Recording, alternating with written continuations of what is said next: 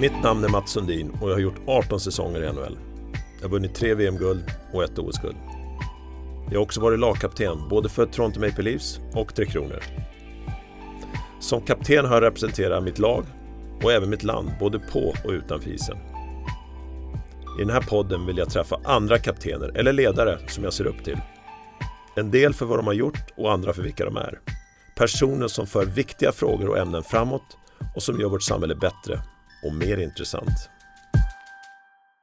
I det här avsnittet träffar jag Danica Kragic Jensfeldt, professor i datologi vid Skolan för elektroteknik och datavetenskap vid KTH och forskare i datorseende och robotik. Danica har kallats en av näringslivets mäktigaste kvinnor och sitter i ett flertal styrelser.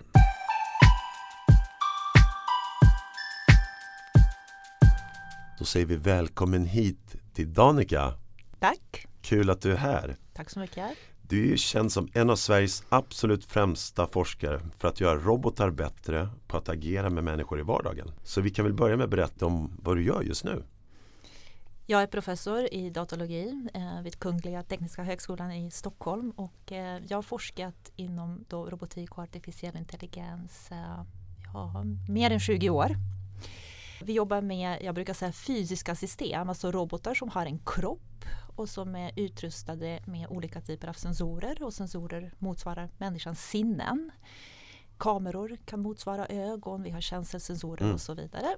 Och vi försöker få robotar att eh, bete sig eh, mm. på eh, ett sätt som vi människor skulle kunna uppfatta som intelligent. Vad menar jag med det? Ja, robotar som till exempel städar golv, gör i ordning sängen, kanske mm. lagar mat, eh, hjälper en människa att duscha mm. om så skulle behövas mm. eh, och så vidare. Alltså eh, automatisera människans mm. aktiviteter och använda robotar mm. för att göra saker som vi människor är, ja, tycker är svåra. Vad var det som fick upp ditt intresse för det här området? Ja, jag skulle så jättegärna säga att det var så medvetet och planerat men det var faktiskt inte det. Eh, jag har alltid varit intresserad av eh, matematik. Jag tyckte att det var lite roligt med programmering. Och nu skulle jag välja utbildning eh, för väldigt många år sedan, alltså universitetsutbildning. Då ville jag egentligen plugga biologi. Men mamma och pappa tyckte inte att jag ska flytta till Zagreb i dåvarande forna alltså Jugoslavien. Mm. Jag fick stanna i min hemstad och då läste jag maskinteknik för att det var det mest eh, det svåraste man kunde välja. Mm. Så det blev programmering och matematik och maskiner och det är det som robotar handlar om. Det är otroligt spännande att beröra framtidens hem så att säga. Vad tror ni med från ditt område? Hur, hur kommer hemmen se ut? Vi kan utgå från eh, då, till att börja med den tekniken som finns nu och kanske den utvecklingen man har sett de senaste två decennier kanske man mm. behöver inte gå mycket längre tillbaks. Eh, jag gillar väldigt mycket att, eh, ta det här exemplet med autonoma dammsugare som man kan se då som en robot hemma som rör sig på egen hand eh, och som städar golvet eller gör mm. någonting som vi människor tycker är tråkigt. Den första produkten då kom på marknaden mitten på 90-talet. Sverige var väldigt bra på att utveckla sån teknologi. Electrolux var då först på marknaden. Mm. Och eh, på den tiden så kunde man kanske inte förstå sig på ja, varför skulle jag ha en autonom dammsugare och det är fortfarande så lite intressant att se att man köper fortfarande vanliga dammsugare och finns en teknik som är helt autonom. Men den är mm. ju ja, 25 år gammal eh, eller så och eh, att eh, det har blivit årets julklapp 2015 i Sverige, alltså 20 år efter att tekniken kom ut på marknaden. Så jag vill säga att det, det, man ser den tekniken som, som har slagit igenom är mm. teknik som utför ganska enkla då, mm. rörelser eller aktiviteter, dammsugarna, gräsklipparna och så vidare på saker som vi människor tycker är tråkiga. Och jag tror att den utvecklingen kommer att fortsätta. Vi kommer att se eh, saker som eh, automatiseras eh, individuellt. För att vi människor kan göra allt. Vi kan använda våra kroppar för att laga mat och byta sängkläder och så. Och skulle man behöva mm. då en robot som ser ut som en människa för att göra det. Och det är väldigt svårt att göra. Det man, det har man försökt göra väldigt länge det och det, det, är en väldigt stor utmaning. Mm. Men det vi ser då, den andra är, är den digitaliseringen eh, eh, runt omkring oss. Eh, möjligheten att använda oss utav talat språk eh, för att kunna interagera med mm. olika föremål. Mm. Våra telefoner, kylskåp, tvn, mm. något som kontrollerar ljuset i hemmet och så vidare. Och det kommer vi att se mycket mer av. Vad det är dialogen som används och att systemen blir bättre och bättre på att känna igen olika språk och att vi kanske inte behöver betala, alltså prata perfekt ja. svenska eller vad det blir. Och det är egentligen inte bara de här olika teknikbolagen som, som håller på med olika innovationer där utan även företag som IKEA till exempel. Hur, hur ser du på det med hem, vanliga vardags hemprylar som man kan styra eller kommunicera med med sin röst till exempel? Är det, är det, kommer det fortsätta utvecklas på det spåret tror du? Absolut, men det, sen är det också alltså, ganska stor eh, fråga kring eh, ja, det här med pris och prestanda och vilka prylar eller vilka produkter ska ha eh, då språkstyrning. Mm. Är det tvättmaskinen eller diskmaskinen eh, för sig eller är det något annat system i hemmet som styr mm. centralt alla mm. de här prylarna och det är inte prylarna själva så att säga som pratar och inte alla kastruller och så vidare. Så det, det, det är spännande och intressant och sen varför vill man prata med sin soffa? Jo, eh, man kanske vill att soffan eller sängen ska bli lite hårdare eller lite mjukare och så vidare.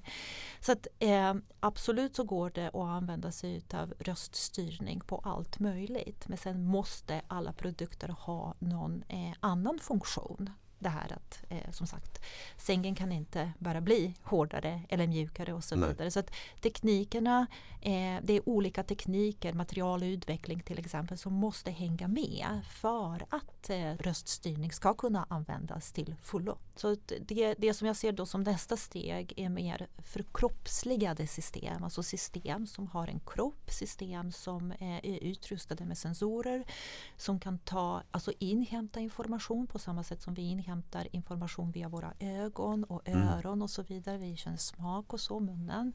Eh, om systemen kan göra det lokalt så, så mm. blir interaktion också en hel annan och då mm. pratar jag då om fysiska robotar, maskiner som Spännande. rör sig på egen hand och interagerar mm. med oss, absolut. Du frågade om det här med huruvida vi ska se Eh, de här maskinerna då eh, och mjukvaran integreras. Mm. Absolut, mm. det har alltid varit mm. tanken. Mm. Så, så man har då eh, kanske ett fysiskt system som telefon Mm. som är verktyg för något annat. Alltså mm. innan appar och efter appar kan vi prata. Ja. Att vi får att, att telefonen används mer. Den har fått en annan funktion, inte bara för att prata eller kommunicera med någon men att kommunicera kanske med hela världen och få tjänster in i mm. telefonen och så vidare.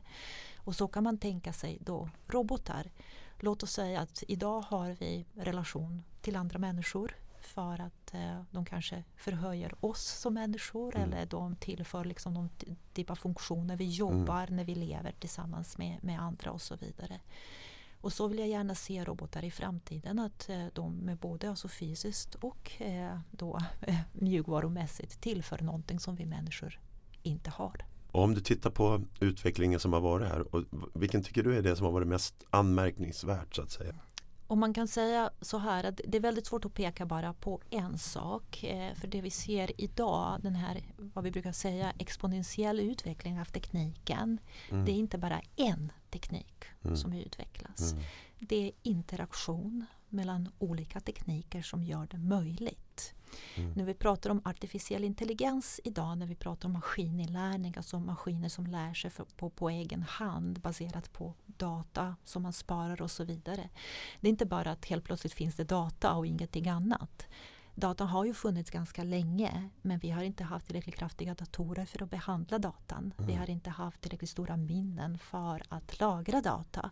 Och vi har framförallt kanske inte haft tillräckligt många mjukvarutekniker som var duktiga eh, på att titta på data och utveckla algoritmer mm. Som eh, får fram information eh, från mm. data. Så vad jag vill säga idag är att vi ser att tekniken det är många olika tekniker som eh, utvecklas parallellt och det är det som gör att det blir en eh, mer exponentiell utveckling. Mm. Eh, om vi kan eh, då se framför oss utveckling av smarta material som vi kan styra. Igen, vi kan gå tillbaka till den här mjuka och hårda soffan eller mm. sängen. Och sen kan vi också tänka oss våra kroppar och ja. utveckling av våra kroppar. Är det, något, är det någonting där som vi ska vara rädda för tycker du? Som människor? I vi ska alltid vara rädda. Ja absolut, all utveckling ska vi vara rädda för. Nej, alltså det som jag tycker är, är, händer nu på grund av den här exponentiella utvecklingen. Det är väldigt svårt för oss människor att förstå oss på vad tekniken gör, hur den utvecklas. Mm. Eh, de både goda eh, och eh, kanske dåliga effekter eh, av tekniken. Vi människor är så väldigt bra på att anpassa oss det har vi alltid varit. Vi har en hjärna som vet att det är liksom överlevnadsinstinkten. Om du inte anpassar dig så överlever du inte. Så vi, vi, vi är ju tvungna på något sätt att eh, omfamna teknologin och utvecklas tillsammans med teknologin för det gör alla andra. Det som jag tycker är då att vi, vi, vi på något sätt förlorar är kunskap kring hur tekniken egentligen fungerar. Jag tror inte det är så väldigt många som är intresserade att veta heller eh, hur det funkar. Mm. Vi bara blir arga när det inte funkar och kan inte, vi vet ju inte och trycker på knappar lite helt vilt sådär. Ja, men så här, mm. stäng av och stäng, alltså slå på och så vidare. Så det är det vi förlorar. Vi förlorar förmågan att förstå oss på tekniken och det är farligt. Jag ser från min värld jag kommer, jag har ju varit professionell ishockeyspelare i många år. De har alltid haft en, eh, vad ska man säga, en personlig tränare, en coach som har på något sätt väglett en rent fysiskt. Okej Mats, här är du nu. Det här ska vi utveckla så att du blir bättre spelare och kan vinna OS-guld eller bli världsmästare och sådär. Och jag tänker direkt på när du säger det så tror jag att människor också kommer behöva bli coachade Absolut. Eh, en sak som om man tittar tillbaka då på mänsklig utveckling och eh, på vår utbildning och så vidare. Eh, den är ju inte interdisciplinär, låt mig säga så. vi är ju bra på vissa saker. Mm. Du är kanske på sport, jag på mm. något annat och så. och det, är ju, det, det, det, har alltid i mänsklig historia har det varit okej okay att vara bra på en sak och mm. leva på det. Mm. Frågan är, är det möjligt att vara bra på en sak i framtiden? Hur bygger vi just det här med interdisciplinärt kunnande? Mm. För att idag vet vi, vi måste ju uh, förstå oss på hur tekniken påverkar människan för att kunna göra eller bygga bra produkter, säkra produkter. Mm. Och idag så känns det som att tekniken utvecklas lite snabbare än vi. Så jobba interdisciplinärt, alltså att man har liksom många tekniker som jobbar tillsammans med eh, humaniora, samhällsvetenskap och så vidare och förstås bättre på både människans mm. utveckling som individ men också hela samhället. Och vi vet ju att det finns eh, vissa stora bolag som vi inte ska nämna eh, idag som jobbar väldigt interdisciplinärt. Men mm. våra utbildningar hänger inte med. Så att, eh, och det, och det, det, är där som jag ser också en stor fara att eh, vi inte har lärare som tänker tillräckligt mycket interdisciplinärt. Vi ser ju inte att våra ingenjörer, det kan jag ta, ta som egen också, eh, alltså kritik mm. mot, mot, mot akademin. Vi hänger inte med eh, och, och utvecklar inte eller förändrar inte akademin så att utbildningen blir också mer mm. eh, interdisciplinär. Så att när vi har de här ingenjörerna som kommer ut så kan de lika mycket om teknik som de kan om människan. Mm. Och då undrar man var, var ska man kunna det? Jo, för att vi utvecklar teknik för och till människan. Och då måste mm. vi kunna mycket mer om människan också. Så absolut, det här med coachning kommer att bli mm. viktigt för att hänga med i utvecklingen. Och Danica, jag läste här någonstans att du anses som en av näringslivets mäktigaste kvinnor. Ja, det är jättekonstigt va? eh, och för mig, jag tittar på min egen karriär och jag har alltid haft en, en ledarroll inom idrotten. Och jag tänker med ledare eh, bygger en kultur, gör så att människor följer. Och I din situation, du har ju en väldigt viktig, jag vill inte stressa men du har en väldigt viktig roll.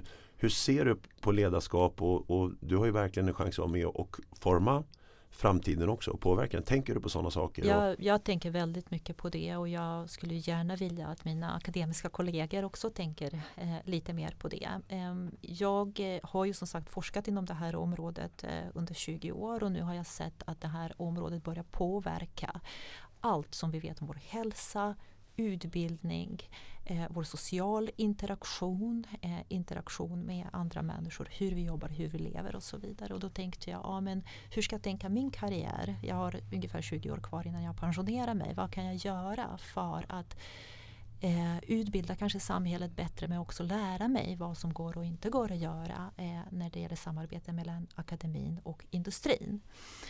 Så eh, då valde jag att sitta i styrelser och nu är det lite konstigt men jag ska sitta då, jag sitter i Saabs styrelse och mm. eh, i hm gruppens styrelse och då kan man undra vad har flygplan och kläder med varandra att göra. Eh, men för mig så handlar det väldigt mycket om hur man eh, på ett bra sätt utvecklar den här tekniken som inte så många kan eh, så mycket om. Mm. Men hur tekniken också utvecklas på rätt sätt så det kommer eh, eller har stor eh, nytta till hela samhället.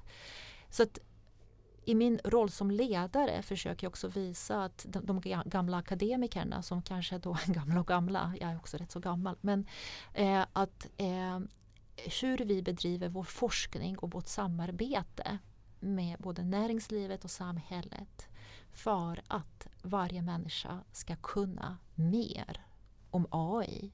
Hur mm. ska vi utbilda folk som inte är bara duktiga på teknik men som också förstår sig på vad människor behöver och hur vi ska utveckla ett samhälle som är bra för alla. Där alla får också tillgång till tekniken, där tekniken är demokratiserad mm. på något sätt. Och det är väldigt svårt att eh, eh, tänka långsiktigt eh, om man inte har lite mer förståelse av eh, alltså hur samhället fungerar, mm. hur näringslivet fungerar mm. och så vidare. Mm. Så att jag vill liksom ha ett ben både i akademin och sen liksom det andra benet ja. Eh, i alltså näringslivet, samhällssidan. Eh, det kommer ganska mycket rapporter i Sverige också då om att både den psykiska och fysiska eh, ohälsan eh, det går lite åt fel håll. Folk blir lite mer stillasittande. Finns det en motsättning där eller kan man verkligen utveckla båda mm. tillsammans? Mm. Vad, vad, tror du? En sak man måste tänka på att eh, den tekniken då som har utvecklats de senaste 20 åren, eh, alltså telefoner, plattor och så vidare, är väldigt visuella och vi har våra ögon och eh, den sinnen så att säga är det som eh, på något sätt eh, vår hjärna eh, spenderar eller har utvecklats så att eh, behandla den, det, alltså allt visuellt mm. väldigt mycket och så. Och tyvärr så har det blivit väldigt svårt att hitta sätt att använda sig av den här tekniken som enbart är visuell för att bli mer eh, relevant för kroppen. Ja, nu kan vi prata om Pokémon Go och så vidare men det är ett exempel där faktiskt det går. Mm. Eh, frågan är hur man hänger med och hittar på nya liknande, liknande lösningar. Om vi så småningom har fysiska system, alltså robotar som rör sig kanske på ben eller hjul eller vad det blir och eh, att det blir lika säkert att gå på promenad med en robot eh, som det är att gå med mamma eller pappa eller med sina mm. kompisar och så vidare. Det kanske också blir lättare med att eh, eh, ja, röra sig eh, fysiskt. Mm. Så jag tänker så småningom hur kan man få fysiska system som är mer anpassade till mm. människor som också har särskilda behov. Människor mm. som är äldre och inte vågar gå ut kanske och mm. så småningom för oss när mm. vi blir äldre så det är väldigt vanligt att, att man är kanske hemma för att man mm. vågar inte gå ut av olika anledningar. Eh, så jag, jag tror väldigt mycket på att tekniken som kommer eh, om vi hittar tillämpningar som, som riktar sig mer mot människans hälsa. Mm. Eh, att det blir eh, lättare också att få mm. och så och röra oss mer. Men så, sen måste livet hänga med. Lika gärna som du har en coach som hjälper dig kanske med teknik så kan du ha en, en robot som hjälper dig med att se till så att du är fysiskt aktiv. Det tror jag inte finns några motsättningar där. Nej absolut inte och man ska inte glömma den här nya tekniken kan också mäta hur vi rör oss, hur mycket vi väger, hur vi ser ut. Och det kanske blir lättare då, eh, på samma sätt som jag brukar säga att min man är beroende av sin telefon nu som säger till honom hur många steg han ska gå varje dag. Jag kunde ha sagt det innan, eh, inte telefonen eller klockan eller vad man nu har, mm. Nå någon typ av wearable device har man. Mm. Men det är inte samma sak kändes det som. som jag, när jag på ett snällt sätt försöker säga men nu bör du röra dig lite. På något sätt är, är det lättare att telefonen säger det för att telefonen säger en siffra. Mm. Och telefonen säger hur mycket steg som fattas för att man ska förbränna ett antal kalorier. Mm. Man blir ju inte irriterad på sin telefon eller på sin klocka på samma sätt som man blir irriterad på mig. För vad vet jag om hans vikt? Eller liksom, mm. alltså så så jag tror att man ska också se tekniken som ett verktyg eh, att eh, berätta för människor hur eller var vi befinner oss eh, på, på så, någon skala i, i, i kroppsutveckling eller något liknande utan att vi blir arga eller att vi mår dåligt. Mm. För det, när vi säger saker till varandra så blir det också väldigt känsligt. Men vad då? Tycker du att jag är tjock? Mm. Det, det, blir inte samma fråga man ställer till telefonen eller Nej. klockan. Nej. Och det ser en hel del också om hur tekniken kanske så småningom kan ha en helt annan roll och funktion. Vad tror du om man tittar bara i lite kortare perspektiv, tre till fem år med utvecklingen, den tekniska utvecklingen i, i människans vardag, även i våra hem. Vad tror du att, vad har vi att förvänta oss? Vi, från, ja precis, ja. vi kommer att fortsätta effektivisera. Eh, men väldigt mycket utav de här effektiviseringarna med hjälp av tekniken kanske kommer vi inte att se. För att väldigt mycket av tekniken som vi använder eh, och eh, som företag också fortsätter använda gör våra liv säkrare det här med att bussar ska inte kunna köra snabbare än mm. vissa antal kilometer i vissa delar av stan till exempel. Så småningom mm. självkörande bilar. Eh, och sen allt som har att göra med monitorering, alltså, alltså hur vi rör oss till exempel. Så mm. att eh, kanske den självkörande bilen säger att eh, nej, men du ska inte använda mig fjärde gången den här veckan. Du ska använda det utav liksom public transportation eller någonting för mm. att jag måste röra mig. Det är spännande. Man, ja, Eller till och med cykeln skrämmande. kanske. Jag kanske säger nu har du kört bil fyra dagar i veckan. Nu är det dags att ta cykeln. Precis det. Precis det. För att du har suttit still för mycket. Det är spännande. Precis det. Och jag tror att eh, ja, det, det, är ju såklart det finns många etiska och moraliska frågor där. Vem bestämmer över vem och så vidare. Mm. Men jag tror att eh, vi så småningom kommer att vänja oss vid den tekniken. Att det inte blir skuldkänslor, att man inte blir irriterad för att man kommer att veta att ah, det här är för min hälsa. Och på mm. samma sätt som jag kan idag välja vad jag äter, alltså om jag äter kött eller mm. inte och så vidare och hur saker och ting är producerade så kommer det att bli väldigt naturligt att jag rör mig på ett visst sätt mm. bara för att jag vet att det är också bra för både hjärnan och kroppen. Och du är en av Sveriges ledande inom det här forskningsområdet. Alltså, vilka utmaningar möter du när du ska få till förändringar som du känner är viktiga för dig? Jag tror att den största utmaningen kring vissa av de här teknikerna är att eh, det går inte att göra något snabbt. Man måste ha den, den, här inställningen att om vi verkligen vill förändra någonting och leva på ett helt annat sätt så kommer det att ta tid. Mm. Och då pratar jag inte om det kommer att ta bara tre eller fem år. Det kanske kan ta tio år. Självkörande trafik kanske är ett väldigt bra exempel. Tekniken finns. Mm. Men nu spenderar vi väldigt mycket tid på att forska fram vad man gör när en självkörande bil möter en personkörd bil och hur ska man agera i trafiken och så vidare. Istället för att kanske bara besluta att 23 april 2025 så förbjuder vi personkörda bilar mm. inom tullarna i mm. Stockholm och inför den dagen. Wow. Självkörande trafik. Och det är väldigt skrämmande för en politiker att ta det här beslutet för att eh, ja, det, det, är efter det här mandatet och allt mm. det där. Men jag tror att vi behöver sådana beslut för att då, det, det, är bara då vi kan börja på riktigt jobba med förändringar av infrastrukturen.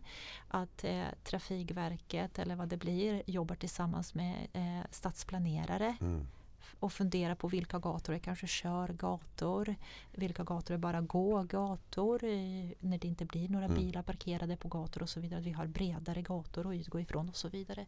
Så att, och Det är det som gör det svårt idag att man tar små eh, beslut, inkrementella istället för att säga, men vet ni vad, tekniken är här, nu gör vi om. Så jag tror att eh, den utvecklingen som vi skulle kunna se på kort sikt, vi kommer inte att se. För att vi vågar inte ta de här djärva besluten.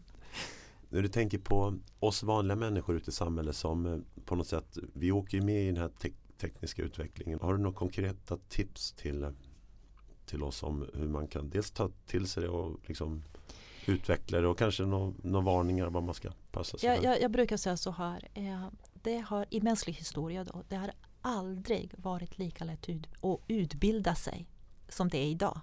Vi har internet, det är väldigt mycket Youtube-videos, vi behöver inte ens läsa. Det enda vi behöver göra är att titta på rätt videos på någon som pratar om lite maskininlärning och AI och så vidare. Mm. Så jag brukar alltid säga till alla om man får lite tid extra så är det kanske bättre att inte titta på nu ska jag inte prata emot Netflix eller så, Netflix är jättebra. Men att man kanske inte tittar på, att man väljer vad man tittar på för att ta eh, ansvar mm. för sin egen eh, lifelong learning.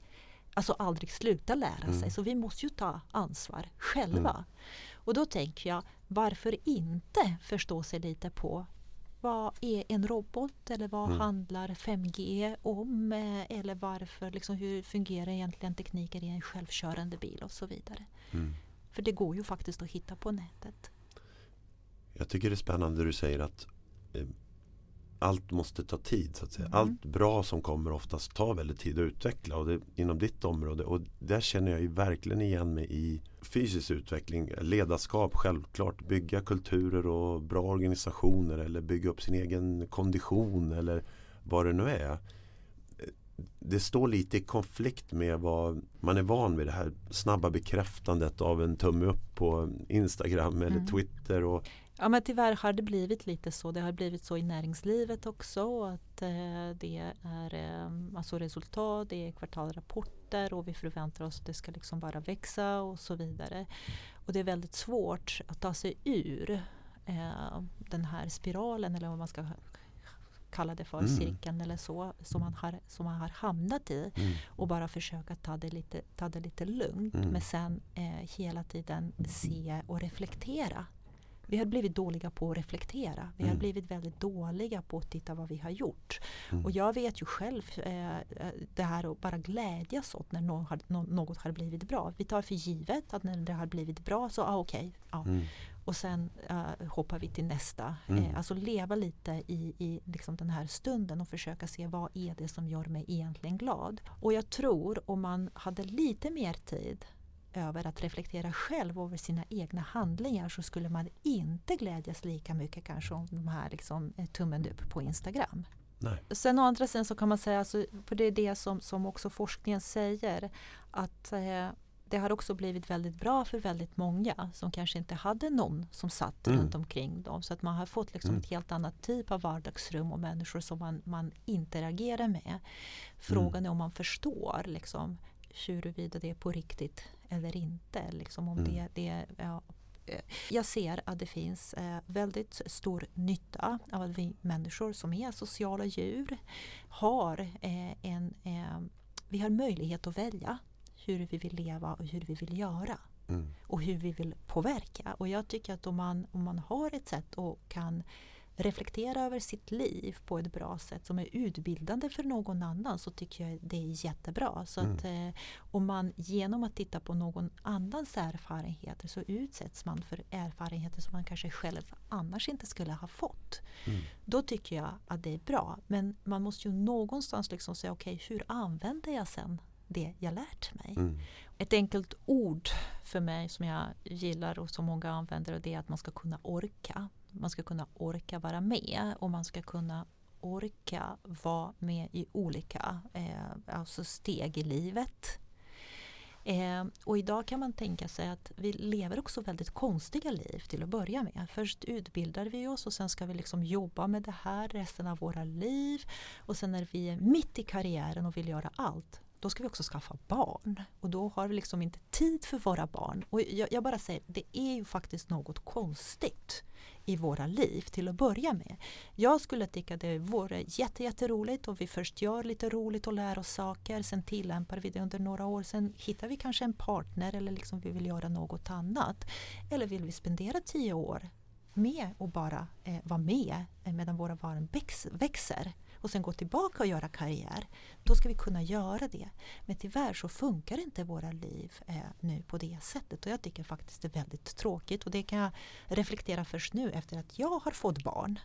Eh, det, det, kunde inte jag reflektera över eh, när jag var 25 för då, då var det bara karriär som mm. gällde. Mm. Problemet är att det är väldigt svårt att förändra samhället och då undrar jag om vi pratar nu väldigt mycket om det här att det är många jobb som försvinner. Mm. Vilka jobb som automatiseras, vilka jobb som försvinner. Hur kommer våra karriärer se ut i framtiden? Och jag är en som är optimist. För jag, jag säger jag har två barn som jag kan inte tillåta mig att bli eller vara något annat än optimist. Men jag vill gärna se att vi kanske har lite olika då, eh, eh, steg i livet där vi inte kontinuerligt jobbar med vår karriär. Mm. Där vi kanske tillåter oss själva att leva ett annat liv under mm. barnåret. Eller om vi känner att vi bara går runt och resa och lära oss mycket om andra kulturer och så vidare. Men sen ändå kunna komma tillbaka när man är 50. Mm. Jag kan bara säga, jag har inte många 50-åringar som läser mina kurser på KTH. Nej. Är det inte konstigt? Varför har jag inte det, tänker jag då. Det kan vara så att tekniken gör också så att våra värderingar och hur vi ser på livet och karriär också kommer att förändras mm. eh, under tiden. Vi hoppas det. Mm. För idag är det ju verkligen svårt och samtidigt väldigt paradoxalt. Utan de här människorna som dig själv som har ett extremt driv, driver inom ett område, forskar. Det är klart att det påverkar. Det är omöjligt att det inte påverkar andra benen med barn och familj. Och det finns bara så mycket tid så att säga att lägga in både empati och värderingar och, och kärlek in i de olika sakerna. Men utan, utan de som har det där drivet så skulle inte heller samhället utvecklas åt ett håll som vi vill. Så att det... Sen kan man undra också det här med känslor. Jag tycker det är oerhört viktigt och jag är en väldigt känslig, känslosam människa. Mest kanske arg ofta. eh, nej men jag tänker så här, hur lätt har vi att prata om våra känslor? Och jag, jag kan inte säga, jag levde inte för 300 år sedan liksom, huruvida vi hade lättare att prata om våra känslor då. Men jag tror att eh, det börjar bli kanske lite bättre kringkänslor. Vi, vi, vi utmanas också av våra tekniska då prylar kring känslor och så vidare. Att någon kan kanske bara säga baserat på hur eh, jag använder min kropp och vilka gester eh, eller ansiktsrörelser jag gör. Att maskinen säger åh, du är kanske arg just nu och kanske en människa skulle inte våga säga så. Och det kommer att fortsätta vara så. Att eh, mm. om vi använder oss väldigt mycket av videomaterial och så vidare att maskiner kommer kanske ha lättare att förstå oss på eh, människans då, känslor. Men då tänker jag, ja, det här med empati och vi pratar om empatiskt ledarskap. Jag tycker det är oerhört viktigt att eh, prata känslor eh, och eh, förstå oss också på vad människor menar med känslor. Vad menar vi egentligen med kärlek? Och hur kärlek kanske, eh, och, eller hat för den delen, påverkar oss och påverkar vår beslutsfattande och så vidare. Och att jag tror att så småningom kommer vi att eh, ha maskiner som kanske kan förstå sig bättre på människans agerande utifrån då känslor än vi är idag att förstå oss på varandra. Mm. Vad spännande. Mm. Danica, stort tack för att du tog dig tid att vara med här. Tack själv för att man, jag fick vara med. Ja, om man är intresserad av att fortsätta följa dig för oss som vill det, vart mm. kan man göra det och se vad du pysslar med? Ja, det är väldigt lätt brukar jag säga. Det är ingen annan i världen som heter som jag. Så man bara googlar fram mig så kommer man att komma till min webbsida och få veta lite om forskningen vi bedriver också. Och det dyker säkert upp i nyhetsflödet också. Ja, absolut. Stort tack för att du tog dig tid Annika. Tack själv.